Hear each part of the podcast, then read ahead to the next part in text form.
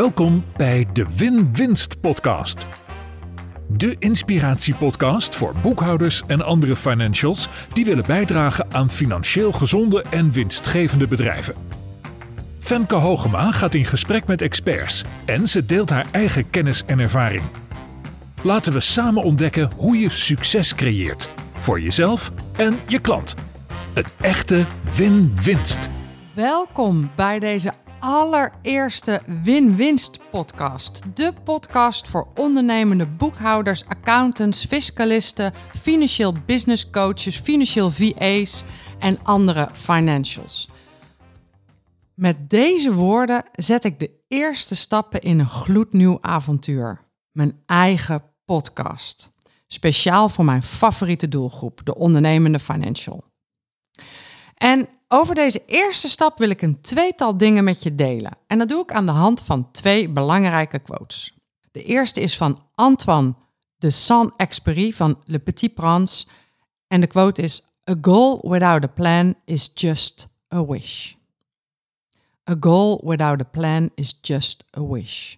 Een doel zonder plan is enkel een wens. Het maken van plannen, langetermijnplannen, 12 weken plannen, winstgevende plannen is een heel belangrijk onderdeel van mijn visie op succesvol ondernemerschap.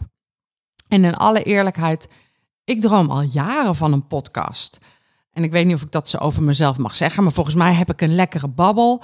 Maar ik ken ook heel veel hele gave mensen die ongetwijfeld gast willen zijn in mijn podcast. Dus Twee belangrijke ingrediënten voor de podcast heb ik. En toch startte ik de afgelopen jaren niet. En dat was met name omdat als ik iets doe, wil ik het goed doen. En daar gaat zometeen mijn, zometeen mijn tweede quote over. Maar iets goed doen vereist ook een plan. En het vereist voor mij dat ik weet wat ik wil bereiken en dat ik echt tijd en ruimte kan investeren om dat plan te realiseren. Ik geloof dus niet in gewoon doen, iets doen omdat ik het leuk vind. Of uh, iets doen en hopen dat het vanzelf goed komt. Of maar zien waar het schip strandt. Ik denk dat het helder hebben van waar je precies heen wil en het maken van een plan om daar te komen, dat dat een super essentieel ingrediënt is van succesvol ondernemerschap. Wat je definitie van succes dan ook is. Dus dat is de eerste. A goal without a plan is just a wish. En dan de tweede quote die ik wil aanhalen in deze eerste podcast is: How you do one thing is how you do everything. Dus hoe je iets doet, hoe je het één doet, zegt iets over hoe je andere dingen doet. En als ik mijn doelen met mijn podcast wil bereiken, dan wil ik dat mijn podcast van dezelfde kwaliteit is als mijn programma's, als mijn boeken, als mijn keynotes, als mijn trainingen, ehm, als mijn Profit First Professionals opleiding. En dat betekent dat ik me, dat ik me heb verdiept in podcasts, dat ik heb nagedacht over uh, hoe, wat is het, hoe ga ik mijn podcast vormgeven. Maar dat ik ook hulp heb ingevlogen, dat ik goede spullen heb gekocht en dus dat ik een plan heb gemaakt. Nou, een van de dingen waar ik over na heb gedacht is, hoe ga ik nou die allereerste aflevering doen?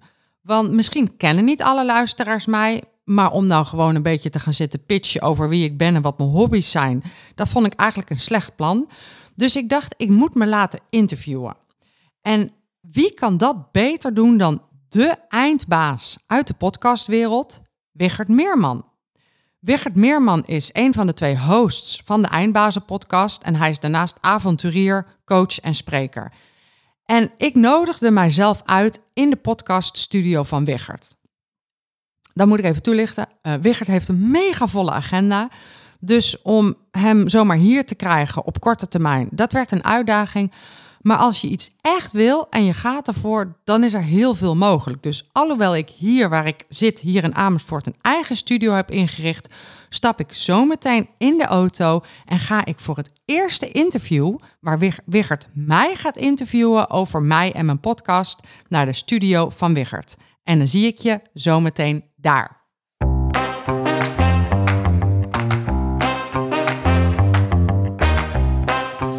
Toen zat je in de studio, Femke Hovenma. Ja, Wiggert. En niet bij mij in de podcast, maar in je eigen podcast.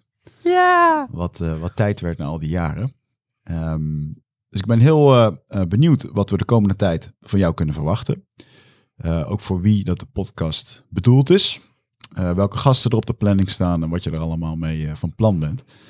Want podcast is tegenwoordig een veel breder begrip dan alleen maar even een, een gesprek opnemen. Ehm, maar allereerst voor de luisteraar die jou nog niet zo goed kent. Ehm, wat moeten we over jou weten? Ehm, nou, ik denk dat het. eh, eh, dus sowieso dank om hier te zijn. Eh, ik weet dat je best wel een drukke agenda hebt, dus ik waardeer het echt enorm.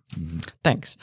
Eh, ja, wat moet de luisteraar over mij weten? Ik denk wat belangrijk is om over mij te weten, is sowieso de reden dat ik het over geld en over financiën heb, is omdat ik echt een, een eh, grotere visie heb op financieel gezond en winstgevend ondernemerschap. En ik geloof werkelijk tot in het diepst van mijn cellen dat winst maken voor ondernemers echt heel belangrijk is en dat ik ze daarbij wil helpen.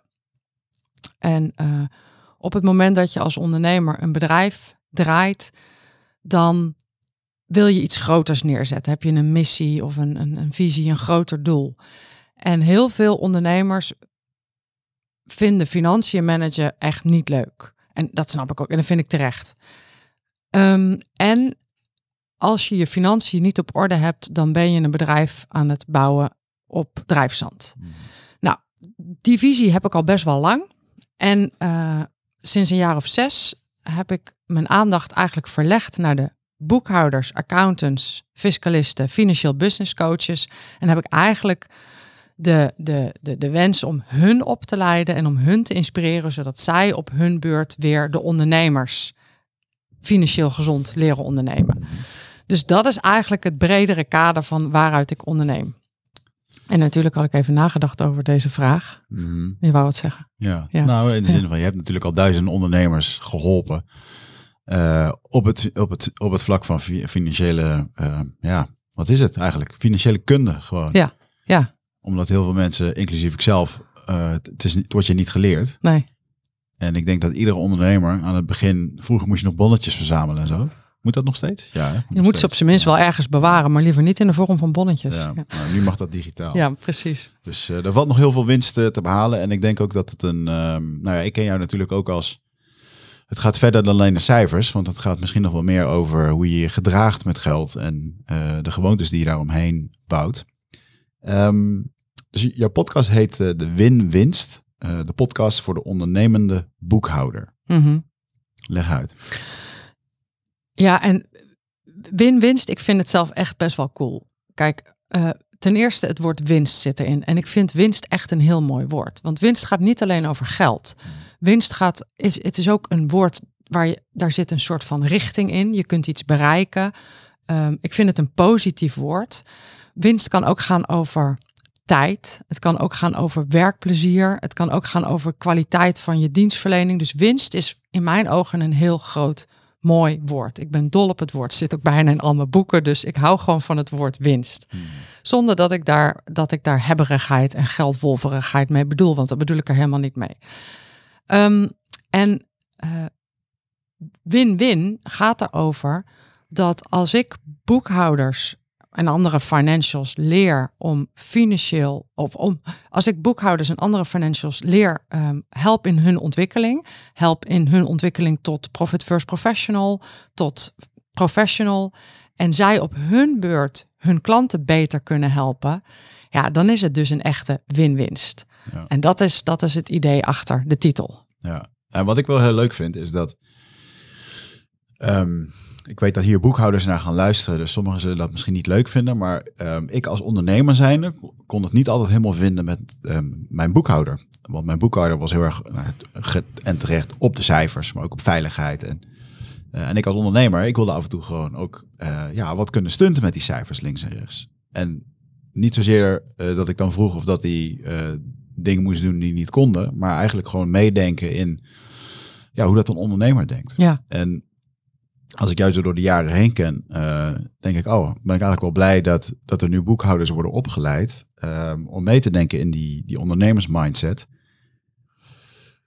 eh, om, om ook groter te denken. Om niet te zeggen van nee, dit kan niet, maar wat zou er wel kunnen of hoe kan het anders? En dat is echt een, een ja, toch wel een unicum in dit land als het gaat in de, boekhoud, uh, in de boekhoudbranche. Ja, wat goed dat je dat zegt. Ik, ik denk, daar word ik dus ook heel blij van als je dat zegt. En ik denk, ja, en daar gaat het om. Want op het moment dat je als boekhouder je niet realiseert dat je klant meer van je wil dan alleen maar kloppende cijfers. Uh, maar zelfs dat, dat, dat, je, dat het belangrijk is om voor beide cijfers te kunnen kijken naar, maar wat wil die klant nou eigenlijk? En wat, wat voor soort bedrijf heeft hij? En waar, waar staat hij met zijn bedrijf? Dus dat veel bredere strategische perspectief. Dan kun je een echte relatie met je klant bouwen. Dan kan je klant gaan zien, hey, dit is niet een boekhouder cijferneuker. Nee, dit is een strategisch adviseur. En daar wil ik graag vaker mee in gesprek. In plaats van dat hij denkt, ah shit, de boekhouder belt, ik neem niet op.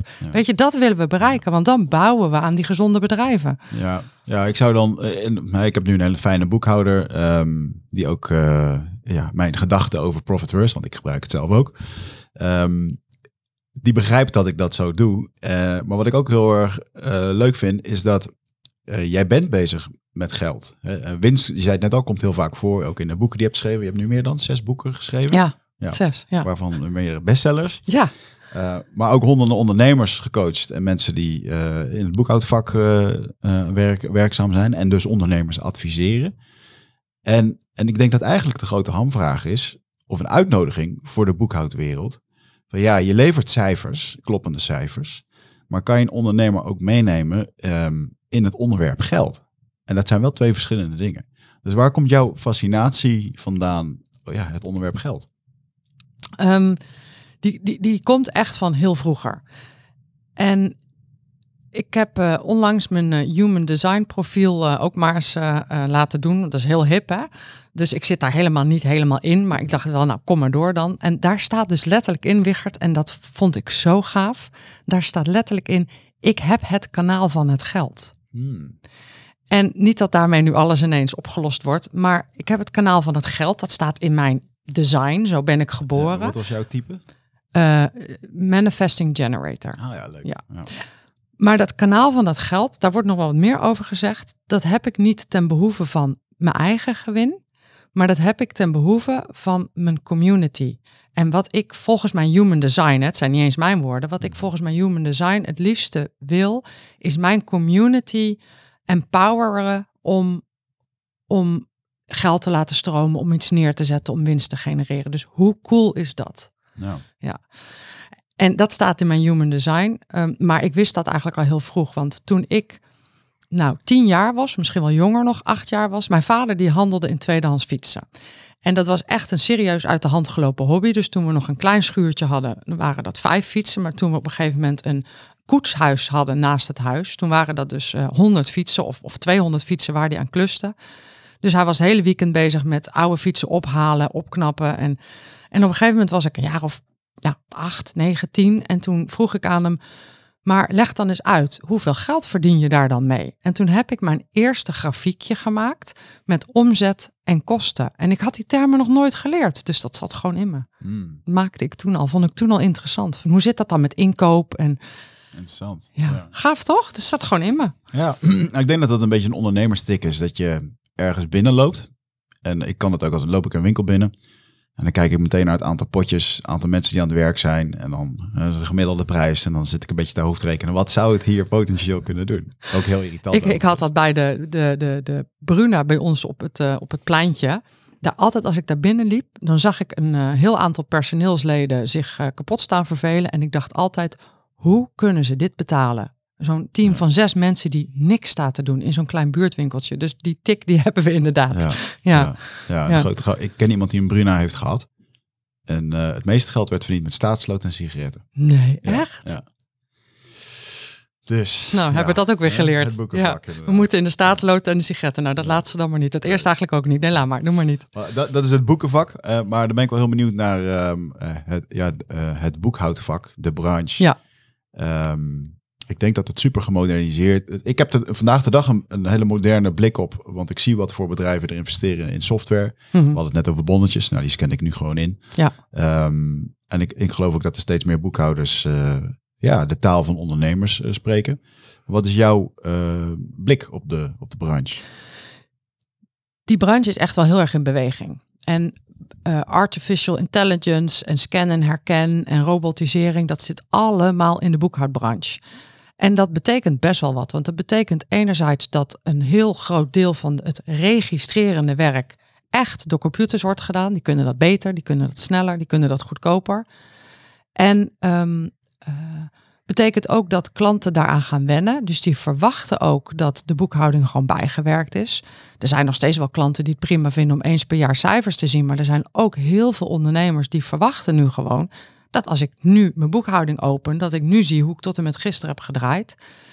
Er zijn zelfs boekhoudprogramma's, uh, vooral in Amerika zie je dat heel erg opkomen, die echt de functie van boekhouder bijna buiten de deur zetten. Die zeggen, nee, maar wij, wij kunnen dat voor je doen. En zelfs als je een vraag hebt, kun je ons bellen. Dus die zijn echt dat vak van boekhouder aan het parkeren. Dus op de technologische kant gebeurt er echt heel veel. En ik denk, uh, uh, ik zeg ook altijd tegen mijn klanten, als je daar niet in mee wil gaan, als je het gevoel hebt van ja, maar ik, het, het was toch goed zoals het was, dan, dan zijn we ook geen goede fit voor elkaar. Je moet mee willen, je moet eigenlijk in mijn ogen als boekhouder enthousiast zijn over de ontwikkelingen. Ja. Dat is de ene kant van het verhaal. En de andere kant van het verhaal is dat er ook aan de, dat de ondernemers echt op een hele andere manier naar financiën kijken. Toen ik uh, uh, 17 jaar geleden ondernemer werd, nou laten we zeggen, toen ging ik, ging ik een boek schrijven, Financiën voor ZZP'ers, maar zo'n 13, 14 jaar geleden probeerde ik voor het eerst mijn training jaarrekening lezen voor uh, ZZP'ers, probeerde ik te verkopen. En daar werd heel erg uh, terughoudend op gereageerd. Van nou, dat hoef ik niet te leren en daar heb ik een boekhouder voor. En ik moest heel erg toen de ondernemer gaan opvoeden in, ja, je moet wel dit willen leren. Nou, ik moest ook zelf leren dat dat dat niet het echte probleem was wat ik probeerde te verkopen. Hè? Want Mhm. een jaarrekening lezen dat verkoop ik nu niet meer. Dus dat, dat, Nee. dat, dat heb ik ook moeten leren. Maar ik moest ook de ondernemers opvoeden in, ja, je moet wel willen sturen op cijfers. En je moet wel kijken naar cijfers. En de cijfers zijn wel belangrijk voor je. Nou, als je nu Instagram opent of wat het dan ook is wat je opent, dan zijn er al officiële finfluencers. Dus waar ik eigenlijk een beetje moest vechten tegen de bierkaai, is er nu gewoon een heel nieuw vak. En dat heet finfluencers. Ik vermoed dat ik eigenlijk 14 jaar geleden de eerste onofficiële finfluencer in Nederland was. Nu sta ik niet meer in het rijtje. Eh, ik weet ook eigenlijk niet waarom niet, maar ik sta niet in het rijtje. Moet ik eigenlijk wel in staan. Ja. Maar ehm, dus, dus er is echt wat aan het veranderen. Er zijn ongelooflijk veel ondernemers die beginnen te voelen, ja, dat cijfervak, dat cijferspel, dat wil ik wel in de vingers krijgen. Mhm. Ja, dus dat zijn de twee kanten, de, de technologie en de, de, de vraag van de klant. En dan ben ik eigenlijk wel benieuwd. eh, Ze hebben het vaak over een eh, pakje, pakje, dat je een niche moet pakken, dat je je ergens op moet richten. Ben je van mening dat eh, dat, dat in boekhoudersland ook eh, het geval is? Eh, ja, nou, eh, eh, niks moet. Hè. Er zijn best wel heel veel eh, eh, succesvolle financials die gewoon zeggen: ik help ondernemers. Maar wat ik bij mijn klanten zie, is dat het ongelooflijk veel eh, eh, toevoegt als je je als boekhouder verdiept in een vak. Dus ehm, als je je bijvoorbeeld als boekhouder verdiept in de online wereld, de online coachwereld, dan is het zoveel makkelijker om online coaches aan te trekken die te maken hebben met winkelwagensystemen, met funnels en weet ik wat allemaal niet meer. Als jij hun taal spreekt. Als jij je als boekhouder kan focussen op artiesten, dan trek je die veel makkelijker aan. Als jij je als boekhouder focust op de sportbranche, dan trek je die veel makkelijker aan.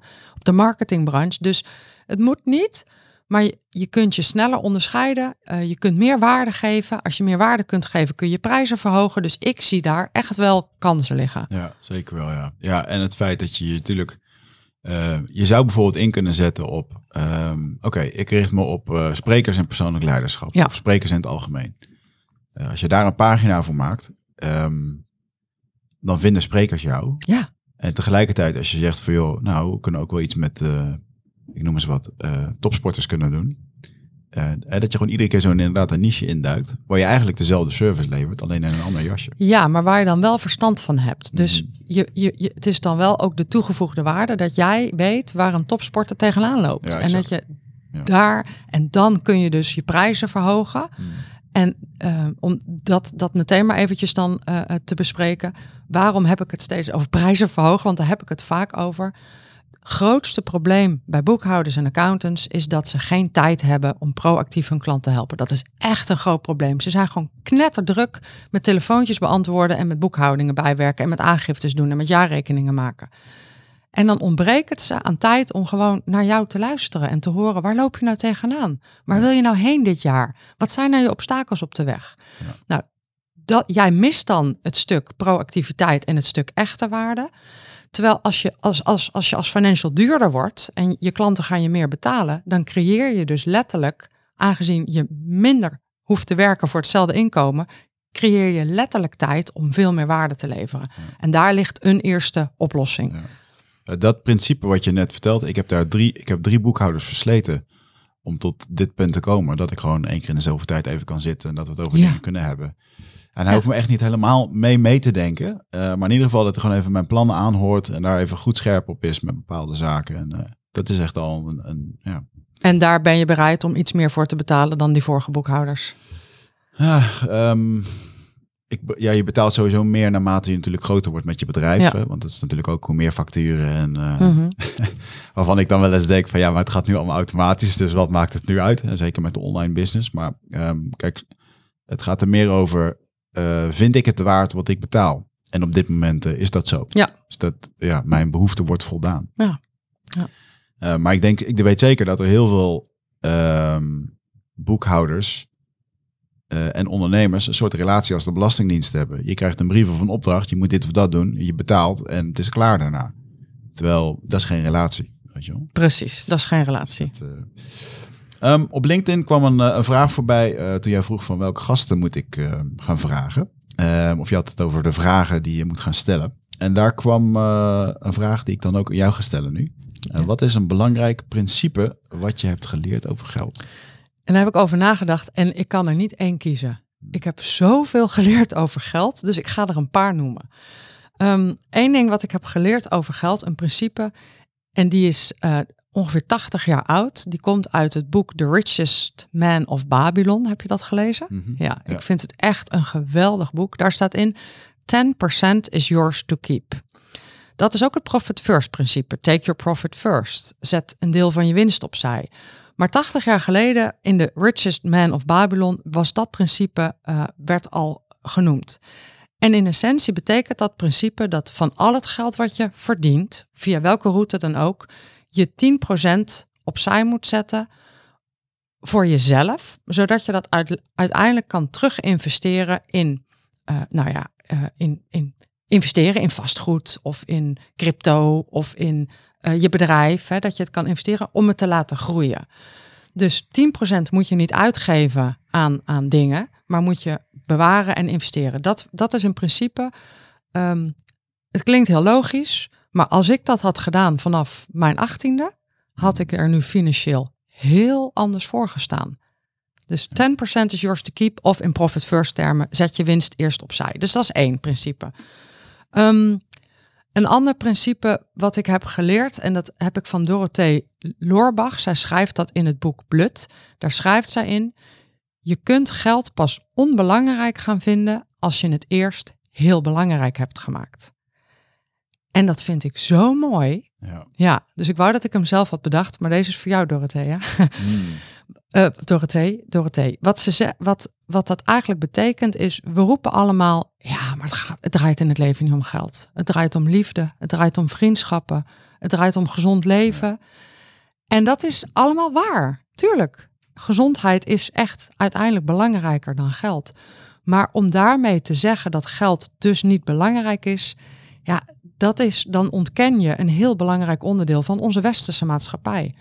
Want op het moment dat je niet genoeg geld hebt, kost dat je uiteindelijk je, je levensplezier, kost dat je zelfs je gezondheid.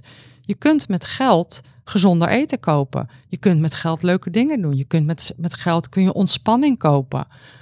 Ehm, je kunt met geld misschien zelfs wel spierkracht kopen. Want dankzij mijn personal trainer, die duur- duurder is dan gewoon alleen maar een gewichtje kopen, heb ik meer spierkracht. Mm. En dat kan omdat ik geld belangrijk vind en heb gevonden. daardoor kun je nu soms geld niet belangrijk vinden. Dus ik vind die echt heel mooi. Ja, en dan nog eentje die ik wil noemen is, um, is Parkinson's Law. Die heb ik eigenlijk van Profit First. Maar Parkinson's Law komt niet van Profit First vandaan. Parkinson's Law, oftewel de wet van Parkinson, die zegt... Um, we benutten de beschikbare ruimte. En dat doen we in tijd, maar dat doen we dus ook in geld. En uh, in tijd kennen we dat allemaal. Als je een, uh, een, dag hebt voor een project, heb je een dag nodig. Maar gebeurt er iets waardoor je maar een half dag hebt, krijg je je project ook af. Mm. Uh, want je hebt meer focus, je laat je niet afleiden. En dat doen we ook met geld. En in geld vertaald is dat principe: geld kan altijd op. En dat is waar. We kennen allemaal het fenomeen of je nou 1000 euro verdient of 2000 euro, het kan op. Heb, heb je de maand daarna 3000 euro? Kan het weer op. We gaan duurder leven, we verhogen onze levensstandaard, we kopen die extra cappuccino. En dat vind ik ook een heel intrigerend onderwerp, omdat je kunt dat dus, um, je kunt daarvan denken, nou ja, dat is dus zo, dus het geld gaat altijd op. Of je gaat dat managen en het, het werken met potjes is dus een manier om dat te managen. En dat werkt gewoon. En ik heb zelf heel lang gedacht, ja, ik ben toch best wel slim met geld. Dus hoezo zou ik meer geld overhouden als ik mijn geld verdeel over potjes? En ik kan alleen maar zeggen dat het gewoon zo is. Het werkt gewoon zo. Ik weet nog toen ik hiermee uh, begon, uh, toen het bij mij financieel ook een puinhoop was. Um, om maar gewoon te zeggen, ik, ik manage niet mijn geld. En op een gegeven moment begonnen met die potjes. Tony Robbins hoorde ik daar alles over. En toen later nou echt het, uh, het Profit First uh, verhaal. Maar toen vond ik 10% ook nog echt veel. Maar eigenlijk, het was eigenlijk niet zoveel. Um, maar het was wel te veel voor wat ik met mijn bedrijf aan het doen was. Het gaf mij heel veel inzicht van ja, wat ik aan het doen ben, werkt dus niet. En uh, het is wel heel leuk, want ik ben nu, dus dit, dit vorig, halverwege vorig jaar ben ik begonnen om van dat pontje van 10% winst om 20% van te maken. Oh, kijk. En uh, dat is wel, ik geloof dat dat wel een beetje de, de max is waar ik het nu op wil laten Ja. zitten. Um, maar zelfs dan merk ik nu toch weer, want ik had van de week weer een paar rekeningen moest betalen. Ik denk, ah, komt net niet uit, omdat ik toch misschien weer iets te gortig ben geweest dan met wat er nu met winst binnenkomt. Um, maar dat is wel een hele leuke, het blijft een spiegel voor, voor, voor hoe dat het gaat. Met je En dat is het. Het is een spiegel. Je krijgt feedback. Je ziet meteen wat je aan het doen bent. Je ziet ook meteen dat er misschien wat te weinig is binnengekomen. Dus ja. Ja. Ja, dus, dus, dus ik heb een aantal uh, principes. Um, nou, nog één laatste dan heel kort. En dat is dat hoe jij denkt over geld heeft impact op hoeveel geld je verdient. Mhm. En daar kunnen we natuurlijk ook weer een dag over praten. Maar dat is iets wat ik ook wel ben gaan leren. We hebben allemaal een bepaalde geldthermostaat. En als die te hoog dreigt te komen, gaan we dat zelf op de een of andere manier saboteren. Dus, dus, dus ja, hoe je denkt over geld heeft invloed op hoeveel je jezelf toestaat om te verdienen, hoe je praat over geld, hoe je je prijsstelling doet. Ja. Dus je, het managen van je gedachten is daar heel belangrijk in. Mooi. Ja. Ja. Hey, en um, de podcast gaat uh, natuurlijk, uh, want ja, die dag die kunnen we vullen, maar goed, we kunnen ook natuurlijk heel veel podcasts opnemen Ja, en daarin precies. vertellen. Ja. Is- wat, voor, wat gaan we allemaal krijgen en verwachten in jouw... uh, Ja, ik, ik, heb een, ik heb een format uh, gemaakt. Het, is, het wordt win-winst woensdag. Dus iedere woensdag komt er een podcast. Ik doe het om de week met een gast en de andere week solo. Um, solo, ja, ik heb denk ik genoeg te, dingen te vertellen. Maar als mensen ook willen dat ik een onderwerp behandel, ja, uh, mail me, DM me op social media. Um, en om de week een gast. Ik heb binnen een aflevering heb ik ook een klein formatje gemaakt. Dus ik begin eigenlijk altijd met mijn gasten te vragen: hoe doe jij je boekhouding? En daar stel ik een aantal vragen over, zodat we iedere keer een kijkje krijgen in de denken van de ondernemer. Nou, jij hebt net eigenlijk ook al een beetje een kijkje gegeven in hoe jij denkt over boekhouders. Ik denk dat dat heel waardevol is. Dan laat ik de, de gast, de expert, um, aan het woord. Die, laat ik, uh, die stel ik een aantal vragen over zijn expertise. Dat kan zijn marketing, mindset, uh, uh, schrijven, van alles en nog wat. En dan um, sluit ik af met, met, even kijken, dan sluit ik af in ieder geval met een, een, nog, nog een laatste win-winst vraag. Mm -hmm. en op die manier gaan we mooie afleveringen maken. Oh, mooi. Ja, allemaal gericht op het, de ontwikkeling van de, van de financial. Ja. En dan heb jij eh, als podcastmaker, weet ik dat, dan denk je na over dit soort dingen. Je hebt vast al wat onderwerpen bedacht die dan die eerste afleveringen gaan vullen. Ja, precies. Wat, eh, wat kunnen we verwachten? Ja, we ik pak even mijn lijstje erbij. Ik heb Oh, een, dat eh, had je al gemaakt. ja, ik heb een lijstje gemaakt. Ik heb, eh, eh, ga- ja, ja. Ik heb ehm, de gasten die ik al, eh, die al toegezegd hebben in mijn podcast te komen, waarvan ik er ook wel eentje geïnterviewd heb. Mhm. Eh Aartjan van Erkel, dat is mijn eerste gast. Elke Wis. Dus Aartjan over, over copywriting. Elke Wis gaan we het hebben over, eh, over, nou, over nadenken, onder andere. Eh Veronique Prins, Mm, eh, kick-ass business coach. Ik heb echt onwijs gelachen met haar op jouw boekevent. En ik, ik, ik was echt onder de indruk van haar. Leuk. Dus ja. Veronique, als je dit hoort, dan... ik heb het volgens mij toen ook al gezegd, maar ik vond haar echt een... Wat een bizarre energie heeft zij. En, Ja, ja, geweldig. Ja, dat vind ik ook echt heel tof. Dus ik heb ook, ben ook wel trots op mijn lijstje met gasten. ja.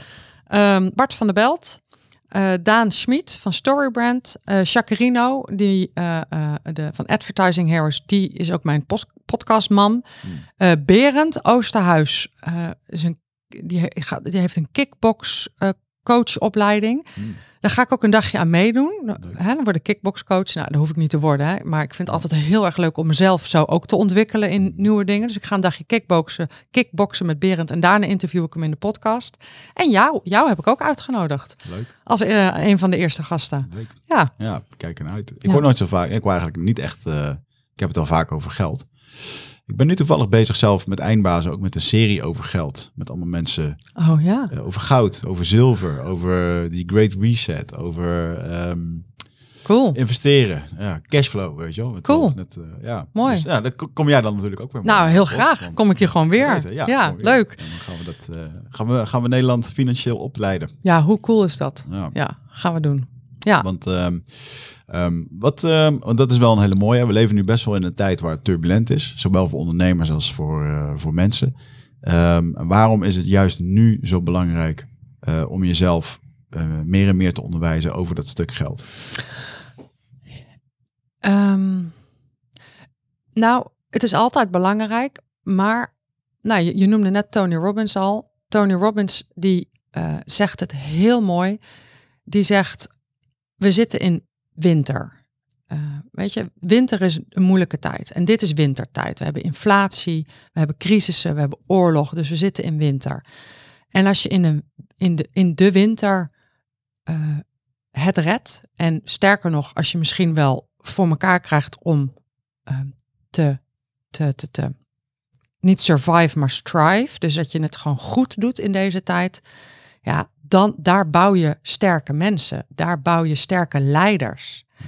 Dus ja, we zitten nu in een wintertijd. Dus hoe belangrijk om nu sterke leiders te bouwen. Mooi. Mooi, ik ben heel erg benieuwd. Ik ga luisteren naar je nieuwe podcast. Ja, leuk. Dus, eh, ik wil je sowieso bedanken dat je, dat je hier naar de studio wilde komen. En eh, ik wens je heel veel succes met, die, eh, met de podcastserie. Dankjewel. Nou, het is, ik vind het ook wel. Jij komt ook in mijn podcast. Dat is ergens natuurlijk ook wel spannend, want jij bent toch wel heel erg ervaren in podcasten. Dus om dan de rollen om te draaien. Maar aan de andere kant, bij Fundament van Succes heb ik je ook al een keer geïnterviewd. En toen liep ik ook met droge ogen weg. Dus dat ging ook goed. Dus ik durf er nog wel een keer aan. Ja, zeker. Ja. Ja. en hier hebben we nu ook weer gezeten. Dus, ja, eh, dus komt dat, eh, dat komt goed. Ja. Ja, leuk. Dankjewel. Als je, als je maar, hou maar voor jezelf in gedachten dat de gemiddelde podcast ehm, houdt eh 11 afleveringen vol. Ja, Dus als ik nu ook word gevraagd voor een podcast, dan is eigenlijk mijn reactie altijd: eh, maak er maar 25 en dan mag je me mailen. En eh, het is pas één keer in de afgelopen vier jaar gebeurd dat iemand zei na, na 25 afleveringen: we hebben het gehaald, eh, nu, nu ben je Oh. nummer 26. En dat heb ik toen gedaan. meen je dat Ja. nou? Dat dus wel- shout-out naar jongens van uh, Ondernemen de podcast, een paar jonge gasten. En de rest, ja, gewoon niet. Dat is wel confronterend. Ja.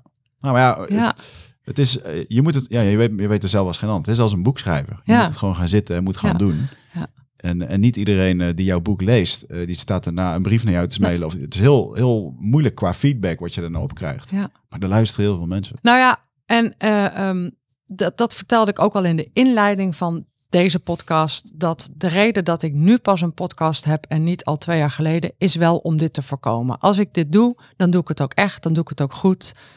Dan wil ik ook weten wat ik aan het doen ben. Dan bereid ik me daarop voor, dan maak ik een plan. eh, zodat ik niet na de elfde aflevering denk, oh ja, we hadden een podcast. Wat is daarmee gebeurd? Ja, ja zeker. Ja, mooi. Mooi. Ehm, En uh, nog één vraag terug en dan ga ik hem afsluiten. Jij komt ook bij ons in de podcast. Welke Hmm. wijsheid kan de luisteraar van jou verwachten?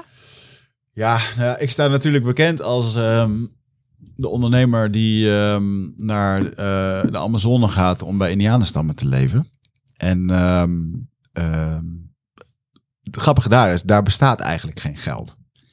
Ehm, maar zij snappen natuurlijk ook wel van ja, eh, met geld kan je wel in, de, in die andere wereld, die een paar uur verderop is, kan je wel geld, kan je dingen kopen en zo. Dus ik heb van heel dichtbij gezien wat geld met mensen doet positief en, en negatief. En ik denk dat ik een, eh, een mooie ondernemersreis heb gemaakt waarbij ik eh, alles kwijt ben geraakt.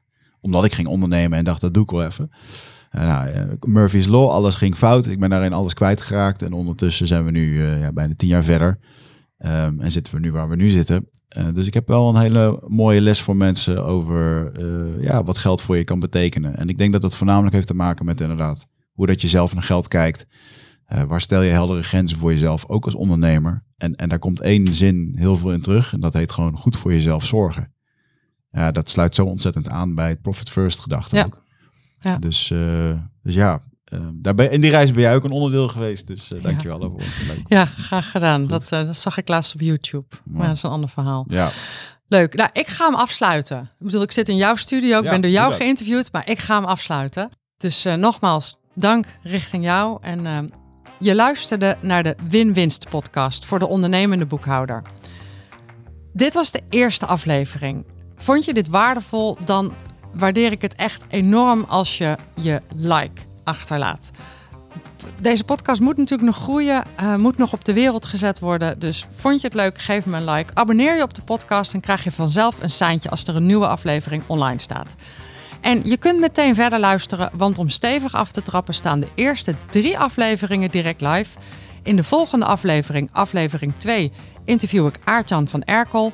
En de aflevering daarna is een solo-aflevering waar ik het ga hebben over de drie elementen die de beschikbare tijd beïnvloeden. Zodat je in ieder geval genoeg tijd hebt om deze podcast te luisteren. Tot de volgende keer.